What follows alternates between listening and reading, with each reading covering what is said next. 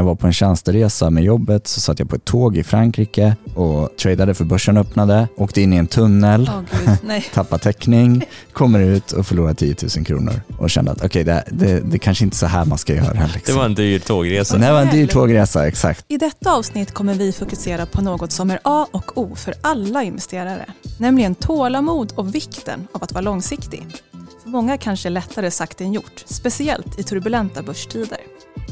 Som ska prata om det här ämnet är Christian, en erfaren trader och medgrundare för Stockholm, Levi, VD och medgrundare, samt jag själv Maria som också är trader och sitter i Stockholms styrelse. Vi kommer ta upp hur vi ser på långsiktighet, vikten av att hålla sig till sin plan och faran av att låta känslorna styra. Ja, jag tycker det är som en skattjakt. Skapa det igen med investeringar. Vi ser att fler och fler liksom faller i de fällorna. Stort välkommen till ett nytt avsnitt av The Compounding Lounge. Det här är podden där vi pratar om allt som har med ekonomi och investeringar att göra. Och idag kommer vi fokusera på långsiktighet. Vikten av att vara långsiktig och ha tålamod på börsen. Och vi som kommer prata om det här idag, det är Christian som är erfaren trader och medgrundare av Stockholm, Levi, VD och medgrundare och jag själv, Maria, som sitter i Stockholms styrelse och är också själv trader. Så vi drar igång. Yes. Ja. Långsiktighet alltså. Ja. Jag trodde du skulle säga oerfaren trader om mig. Oh. Christian erfaren trader, Levi Vi- oerfaren. Ja. Och lite erfaren ja, faktiskt. exakt faktiskt. Ja, Men Långsiktighet, hur, hur känner ni för det? Är ni själva långsiktiga? aldrig. Nej. Jo, men det är klart. Eh, det, man lär sig ju, på något sätt kommer det lite grann med åldern känns det som. När man är 35 och det känns som att jag nu börjar fatta varför det är vettigt att liksom vara långsiktig på Mm. något sätt. Eller jag vet inte, du har ju alltid varit långsiktig Christian, känns det Aldrig som. varit långsiktig. Aldrig. Jag är det. kortsiktig trader. Ja, ja, på sätt Eller och ja, vis. jag har Helt en blivit... definitionsfråga, vad långsiktighet Ja. Precis, alltså i mitt sammanhang är det ju extremt kortsiktigt oavsett hur man tittar på det. Liksom. Exakt. Men din plan är långsiktig. Planen är långsiktig, definitivt. Men hur jag ska ta mig dit, det är ju kortsiktiga steg, liksom. ett steg i taget. Exakt. Mm. Ja, men det är det jag också tycker var lite intressant att prata om. Så här, för ibland har vi fått frågan, så här, men det här är ju inte långsiktigt, ni går ju in och ut i aktier. Mm. Men det är kanske inte det vi ser på långsiktighet, utan mer om att håll dig till planen långsiktigt. Hoppa exakt. inte bara bort och ta, gå in med liksom alla pengar hipp som happ. Nej, Utan precis. planen ska vara långsiktig. Ja, Men strategin dit kanske är kortsiktigt, alltså stegen på vägen. Precis. Ja. Men det, och det gäller väl allt, alltså, även om man eh, har en, en plan att eh, bli mer hälsosam och gå på gymmet eller gå ut och springa så kan man inte gå ut och springa 25 mil och vara färdig för en månad utan Exakt. eh, man tar ju alltid korta steg. Liksom. Eh, och det handlar ju om att fortsätta följa planen, inte att man måste springa exakt lika mycket, lika länge varje gång, lika ofta. Precis, aldrig ta semester. Nej, exakt, precis. Vad, men, men Christian, eh, långsiktiga planen måste jag höra. Vad, vad är din långsiktiga plan då? Eller vad tänker du? Liksom? Alltså, min långsiktiga plan att bli långsiktigare i min trading. Jag Mm. började ju som daytrader och sen började hålla lite över natt och sen har jag blivit, nu daytrader jag aldrig utan försöker hålla saker i så länge som möjligt. Mm. Och jag blir ännu långsiktigare för jag känner att jag orkar inte trada så mycket som jag har gjort hittills. Just man det. blir lite äldre och man börjar prioritera andra saker än att sitta vid en skärm Mm. 10-12 timmar om dagen. Liksom. Nej, det förstår jag verkligen. Det är väldigt kul att du säger det. Så, eh, på, på något sätt så du har blivit långsiktigare för att du är lat. Är det Ja. så? Jag gillar det. Men eh, jag tror att det är faktiskt ett vinnande recept på börsen. Mm. Inte kanske vara lat i sig, men det handlar också om att vara lite smart. Mm. eh, och verkligen inte göra dumma kortsiktiga grejer och hoppa på alla dessa svängningar och försöka tajma dem liksom och förstå att det, är liksom, det svänger Mm. Och man måste liksom hålla sin kurs oavsett. Just det. Och Det, det, är är det folk ofta gör. Liksom. Det blir en sättning och så blir de jätteoroliga och paniksäljer liksom och sen när det är botten, det såg man mycket eh, mars 2020, då coronabotten. Mm. Det var ju liksom, jag känner folk som sålde sina innehav, de trodde att världen skulle gå under för de lyssnade på media. Och liksom, Mm. och visst, okej, världen kunde ha gått under, men då spelar det ännu ingen roll hur Nej, mycket precis. pengar man förlorar på börsen. Nej. Så att, men eh, antagligen, förhoppningsvis, kommer inte världen gå under under vår livstid eller någonsin. Så det är ju bäst att hålla kursen oavsett hur hur det svänger. Exakt, vara långsiktig. Ha Precis. tålamod. Och det är inte kanske samma sak som att vara lat, men lite så. Liksom. Man får tid över till annat. Ja men precis, Just och det här det. som man kallar lat, det är det som gör oss kreativa och kommer på nya sätt att faktiskt ta oss dit och göra det bättre, fast med mindre tid. Mm. Det är det, jag älskar den, det tankesättet. Det är ett jättebra perspektiv. Jag har alltid tänkt så här att, man, om man är, alltså att vara lat kan ju också innebära att man inte tar till sig och inte lär sig och att därför hoppar man på just de här trenderna. Ah, jag orkar inte lära mig. Jag, jag, ah, nu kom det en nyhet, så nu ska jag vara med. Liksom. Och så missar man allting. Men, eh, men det är fint att vända på det och säga att man kan vara lat och ändå vara långsiktig på något sätt. Precis, Mm. ta kreativa steg. Mm.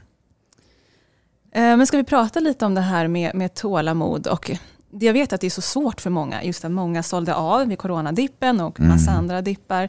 Men hur ska man då, vad tycker vi, hur ska man tänka för att faktiskt vara långsiktig? Mm. Hur, hur tänker, har ni någon slags tankesätt eller tips till folk som kanske har det lite svårt? Alltså Christian sa ju hålla kursen och det är ju ganska bra. Det är som en båtmetafor. Liksom. Det är ju vågor på sjön men du ska ändå åt samma håll. Eh, och det handlar inte om att börja svänga runt och liksom åka hit och dit för att undvika vågorna. Utan man måste lära sig tror jag en bit i taget och det lätta sättet är ju att ta förluster. Det är lite, lite samma sak i, i, i eh, liksom verkliga livet. Att har man varit med om en motgång och överlevt den så vet man när det kommer en till motgång att jag kommer överleva den också. Eh, och jag tror att på börsen handlar det lite om erfarenhet och att ha varit med, liksom, eh, upplevt svängningarna Verkligen. tidigare. Mm. Definitivt. Så kanske börja med en, en mindre summa om man inte har varit med för eh, inte gå in med hela sina livsbesparingar på en gång om man är orolig. Då. Exakt, lagom risk. Helt Ja, exakt. som man Eh, till känner sig bekväm med. Ja, precis. Det är verkligen A och O, för har man för hög risk då är det ju så mycket lättare att faktiskt gå ut. Ja, Satsa inte, första satsa inte alltid en aktie, men eh, sat, ha olika kanske portföljer. En med hög risk om du tycker det är spännande, en med lite lägre risk, en kanske på någon, något annan typ av ränteintäkt. ja, ja Det finns ju massa olika där ute. Absolut. Och så är det också viktigt att ha en buffert utanför börsen. Jag tror det värsta man kan göra är att ta pengar som man eventuellt kan behöva till oförutsedda utgifter och lägga det på börsen eller någon annan investering. Det kommer Mm. inte att bli bra. 100 procent. För då kommer du automatiskt liksom vilja att ha en fördubbling, tredubbling på en gång. Och det, Mm. Man kommer bara att ta dåliga beslut. Så fort det blir en sättning så kommer man paniksälja för att det är pengar man kanske behöver till en renovering eller någon oförutsedd utgift. Just. Och det vill man, man vill inte hamna i den situationen att det blir en sättning på börsen. Så behöver man ta ut pengarna till Nej. utgift. Nej. Precis. Det är liksom också en grej, liksom, bara för att börsen finns behöver man inte automatiskt delta. Utan man ska ju se till att andra pusselbitar är på plats först. Mm. Ja. För att annars blir resultatet väldigt dåligt i värsta fall. Precis. Så satsa på en buffert främst och när du har bufferten, investera sen. För att det, jag tror det är extremt svårt att vara långsiktig om man har en stress över Mm. sin, eh, sina utgifter eller sin eh, ekonomi. Verkligen. Exakt, Mm. och det är det vi ser att känslorna styr då när man har den här stressen. Köper när det går så väl- väldigt, väldigt bra, Mm. säljer när det går så väldigt dåligt och egentligen borde vi göra exakt tvärtom såklart. Ja, precis. Eller i bästa fall kanske aldrig sälja om man inte Precis. behöver. Nej precis, men om man skulle veta allting i Ja, förväg, exakt, liksom, exakt. vilket ju inte går. Mm. Nej. Och du Maria brukar ju säga fem år, om, om man ska in på börsen, minst Ja. fem år måste man ha som horisont. Precis, precis, jag brukar säga fem år, Mm. vissa säger tio. Ja, ja, det är ju det en precis. smak, smaksak. Det är där jag tror att, att om man har en bild på längre sikt vart man vill i livet och vad man ska ha pengarna till eller eventuellt inte vet vad man ska ha pengarna till utan har mer, jag ska ha mer pengar liksom som mål. Då, eh, ju längre horisont man har ju högre risk vågar man ta också. Ja. Eh, Så resonerar jag, jag gillar ju risk. Mm. Men det är för att jag säger att de här pengarna ska jag ha när jag dör. Liksom. Eller så här, de, de går vidare till mina barn om jag dör. Så att jag kan ha hur lång horisont som helst. Eh, Sen, eh, ja, alltså ordet risk, liksom, det finns många definitioner Ja. på det också. Mm. Det är så här, okej, du är i 20-årsåldern och ska börja investera. Och sen har du två personer, en som investerar i aktier och en som investerar i obligationer. Mm. Eh, alltså, om de lägger in samma summa, då kommer ju den personen investera i aktier om 40 år ha extremt mycket mer pengar ja, än den som investerade i obligationer. Så vem var det som tog den stora risken egentligen? Alltså, Mm. förstår du vad Ja, verkligen. Alltså risken Ja. att inte nå sina finansiella mål Ja, men precis. Eh, Det är också en stor risk i sig, att man tar för lite risk. Ja. Alltså, om Det är ni det vi- förstår vad jag precis. menar. Risken att inte ta någon, största risken är att inte ta någon risk alls. Precis. Bara Ja. låta För då kommer det inte bli bra oavsett. Ja. Liksom. Som för att ja, man sparar pengar under en madrass, men då kommer inflationen över tid att urholka det. Mm. Det är en ännu större risk. Liksom. Det är en garanterad förlust. Eller att man bara bränner alla sina pengar man tjänar Mm. och sen inte har någon buffert i livet och kanske inte får den ålderdomen man hade önskat sig. Det är också en extrem risk. Ja, men precis. Vi pratade här lite tidigare med med, eh, Kristoffer från eh, Alvi om just när man inser det här med ränta på ränta, Ja. när det klickar hos människor. Eh, och det är väl liksom ett av de första stegen, att förstå om jag ska investera så gör jag det för ränta på ränta. Och det är ju en långsiktig effekt. Alltså Ja. ränta på ränta på kort sikt är ju ingenting egentligen. Och det var så jag började bli motiverad när jag kanske för, vad kan det vara, åtta år sedan lyssnade på en podcast. Och så sa de just det här att, det var någon reklam, typ Mm. investerar du nu så kommer du få x gånger pengar, alltså typ kommer det bli 600 kronor sen. Mm. Så så tänker jag nu, för varje hundralapp jag investerar, om 30 år, med den här klassiska räntan Mm. på 8%, så kommer det vara över 10 gånger. Visst. Så 100 kronor nu är 1000 kronor när jag går i pension säger vi då. Ja, ja, visst. Så det är ju verkligen wow, det här Mm. växer så otroligt mycket och det motiverar verkligen mig att se den tiodubblingen. Ja. Och sen kan man ju leka med 30, alltså man kan ju leka med alla möjliga procentsatser, Exakt. det beror ju på vad man tar för strategi etc. Ja. Men det, är just den här åtta, den är så klassisk, så Verkligen. den har jag räknat på här. Ja. Ja, definitivt.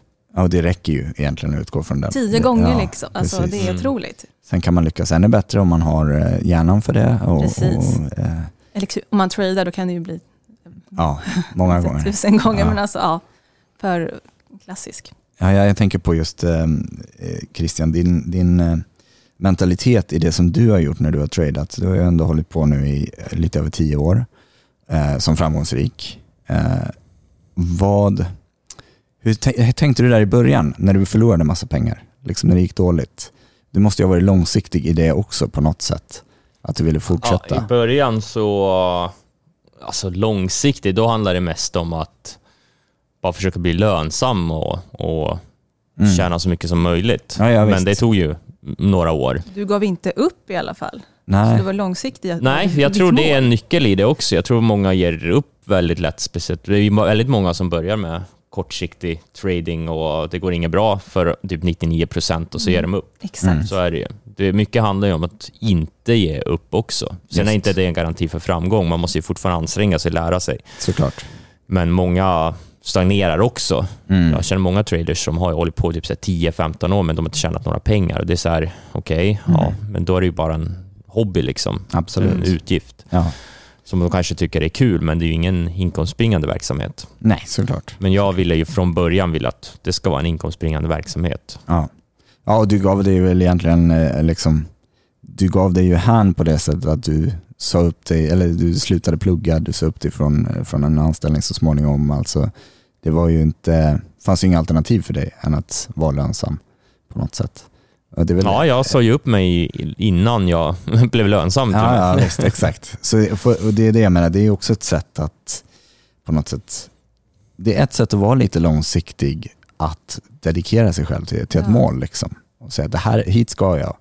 Och hur det Verkligen. går till eller liksom vad som händer på vägen, det är liksom ja, hinder eller motgångar och sådär, men det ska, det ska övervinnas och det ska liksom, Jag lyssnar ju på mycket sånt där just nu. Jag älskar Ja, det ja. här money mi- mindset just nu. just det. Och det är verkligen så här, lev ditt liv som du vill leva. Satsa på det. Även om du inte är där just nu så kan man liksom gå in i den rollen. Och det känns Just som det. om du Christian gjorde lite så att du satsade och verkligen trodde på dig själv och såg dig själv som att du kommer vara där. Ja, det kanske. Jag trodde inte jag skulle komma till den nivån jag kom till. Nej, det finns ju nivåer såklart, men jag menar där Mm. Jag du tänkte var mer att jag åren. kanske kan tjäna en, en väldigt, väldigt bra inkomst, men inte de summorna som jag eventuellt kom upp i. Det hade jag aldrig trott. Nej, liksom. nej, men det förstår att det skulle jag. vara så skalbart. Jag tänkte att ja, men, men tjänar några hundratusen i månaden så kommer jag vara nöjd. Liksom. Ja. Då är jag liksom, det är min största dröm någonsin. Liksom. Men sen, Och du nådde dit och sen så nådde det ytterligare väldigt många steg. Ja precis. Sen hittade jag ett sätt att skala det. Så det, Ja. Just. det det hade, jag hade inga alltså, grepp om de eh, koncepten, liksom skalbarhet och exponentialeffekten, på den tiden förstod jag inte det Nej. alls. Nej, men det förstår jag också, liksom det här att man ser sig själv, men det kanske är första versionen av sig själv. Och sen så kan man skala det och komma vidare för varje, varje år. Och det, Mm. det, är, Mm, det är lite det som det handlar om, Ja. att man inte stagnerar. Precis. Just, just. Och det är verkligen jätteinspirerande tycker jag att, att, Man- att se det. Ta lärdom av eh, erfarenheterna liksom. Ja. Och liksom verkligen försöka förstå hur, hur funkar börsen, hur funkar hur, hur, hur det liksom hänger ihop. Ja. Och det är väl också en grej med att vara långsiktig tänker jag, att, att man kanske börjar med ett visst mål eh, och man kanske till och med uppnår det eller man kanske inte kommer dit, men livet kommer ju ändras. Man, man får barn, man skaffar familj, man flyttar, man eh, hittar en ny hobby eller vad man än gör. Så livet ändras ju och då kan ju de här målen ändras också. Men långsiktigheten kan ju vara i att man, man, att man lyssnar på sig själv till exempel. Och säger, nej men okej, jag vill ge upp, jag vill inte vara trader för att det var inte för mig. Eller tvärtom, jag vill verkligen, jag vill verkligen, det här är det enda jag vill. Och då, då satsar man på det. Mm. Eh, Så att jag tänker att målsättningar i långsiktighet är bra, men man får ju vara öppen för att man kan ändra en målsättning. Eh. Både för att man uppnår den eller för att man känner att det inte är lika viktigt längre. Ja, för man utvecklas eh, Ja. hela tiden. Visst. Och det, det tror jag också, är- alltså, när det kommer till det här med att säga att okej, jag ska vara långsiktig, men man behöver liksom inte ge upp sitt liv, det är lite som du var inne på, man ska leva det livet man vill leva och eh, det betyder inte att man behöver liksom sluta köpa sina latte. Eh, Exakt, unnade saker. ja, Och gå in i den rollen. Till exempel, jag älskar att fokusera på vissa saker, typ min capsule wardrobe. Och då unnar jag mig det trots att det är ganska dyrt. Men jag känner mig så mycket rikare, så mycket bättre. det. Och det tror jag kommer göra att jag också når mitt mål. Jag går mot det målet, Mm. även om det bara sitter i hjärnan. Allt sitter ju i hjärnan. Liksom. ja, ja, absolut. Tankar styr beteende som faktiskt styr vad som händer. Ja, Jag tycker det är jättecoolt att tänka så. verkligen. Men åter till det här med långsiktighet. Ska vi komma Mm. med några tips här? Hur kan man faktiskt som eh, privatsparare bli mer långsiktig? Mm. Vad bör en privatsparare tänka på? Ja, vi pratade ju också här i i tidigare podcast pratade vi om just att, att apropå det här med att leva livet, att eh, det ska vara roligt också. Man kanske måste ha i sin budget en, en post som bara är Ja. för roliga saker. Den här regeln var ju smart som Ja. Kristoffer tog upp. Och 30% till nöjen och eh, annat. Liksom. Eh, så man inte glömmer bort att eh, även om jag vill bli stenrik om 35-40 år så, så man kanske aldrig kommer dit. Man kanske, det kanske händer något på vägen och då är det bra att inte ha satt sitt liv på paus. Liksom. Precis. Så 20% till sparande slash investeringar, 30% till alltså livet, Ja. nöjen och inte bara ränta och allt. det Sen kan man ju sätta vilken procent man vill. Då, Såklart. såklart. Precis beroende på faktiskt hur mycket man tjänar. Men jag Ja. tycker det var en härlig regel att utgå ifrån faktiskt. Ja, verkligen. Eh, Och jag gillar det här med månadsspara också. Den Mm. tycker jag om. Ja, Att få in den rutinen. Eh, precis. För då låter man ju också inte känslorna styra. Då sparar man varje månad. Oavsett Mm. om börsen är på toppen eller den är på botten. Mm. Då gör man det och reducerar risken. Man kommer ju in i alla olika skeden. Ja. Precis. Det jag tror en av de mest skadliga eh, beteendena är ju att försöka tajma. Man tror att man har den förmågan, men det är ingen som har den egentligen. Liksom. Mm. Och det är jätteskadligt. Så det är dumt som du pratar månadsspara, dollar cost averaging, det är liksom det bästa, tror jag, för de flesta.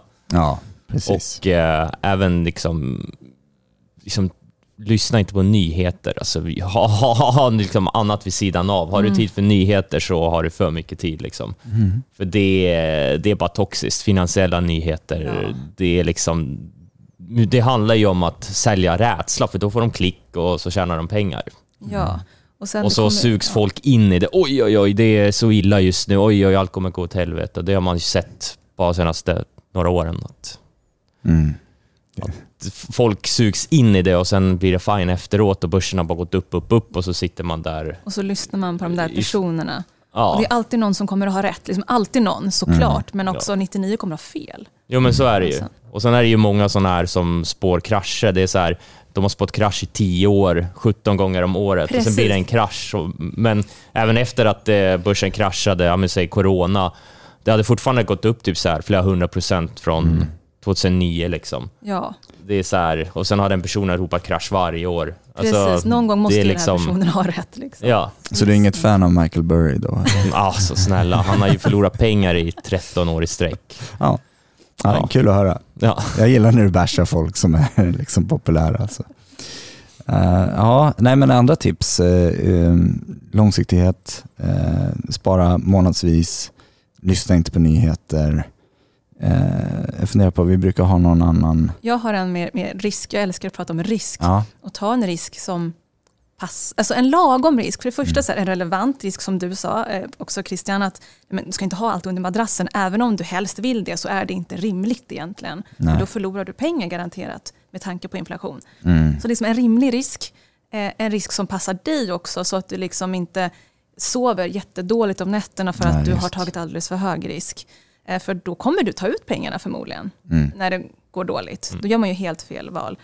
Eh, och sån här är risken med kortsiktighet. ja, Typ om du närmar dig pensionsåldern, kanske du ska minska ner på risken. just. Eller om du behöver pengarna för något hus om fem år. Mm, Så de, de, tre tycker jag, de tre punkterna tycker jag är väldigt rimligt att tänka på när man ska ta, göra placeringar. Ja. Ska man ha fonder? Ska man ha Stockholm? Hur mycket i varje tjänst eller grej ska man ha? Ja, så att visst. man har en, den typen av riskspridning och risktänk. Mm. Så att man inte gör de där känslomässiga besluten som vi inte vill göra. precis. Definitivt. Och där, är- jag tänker apropå det här med trading, jag har en anekdot om, om när jag försökte trada mer aktivt och jag tyckte det var så roligt, jag ville göra det hela tiden. Eh, Så när jag var på en tjänsteresa med jobbet så satt jag på ett tåg i Frankrike och tradade för börsen öppnade, åkte in i en tunnel, gud, nej. tappade täckning, kommer ut och förlorar 10 000 kronor. Och kände att okej, det, det, det kanske inte är så här man ska göra. Liksom. Det var en dyr tågresa. Det var en dyr tågresa, exakt. Och det, det är väl också en del i att vara långsiktig. Ha inte för bråttom. Liksom, ja, man, alla vill ha pengar just nu, alla vill ha pengar imorgon, men det är inte så det funkar för de allra flesta.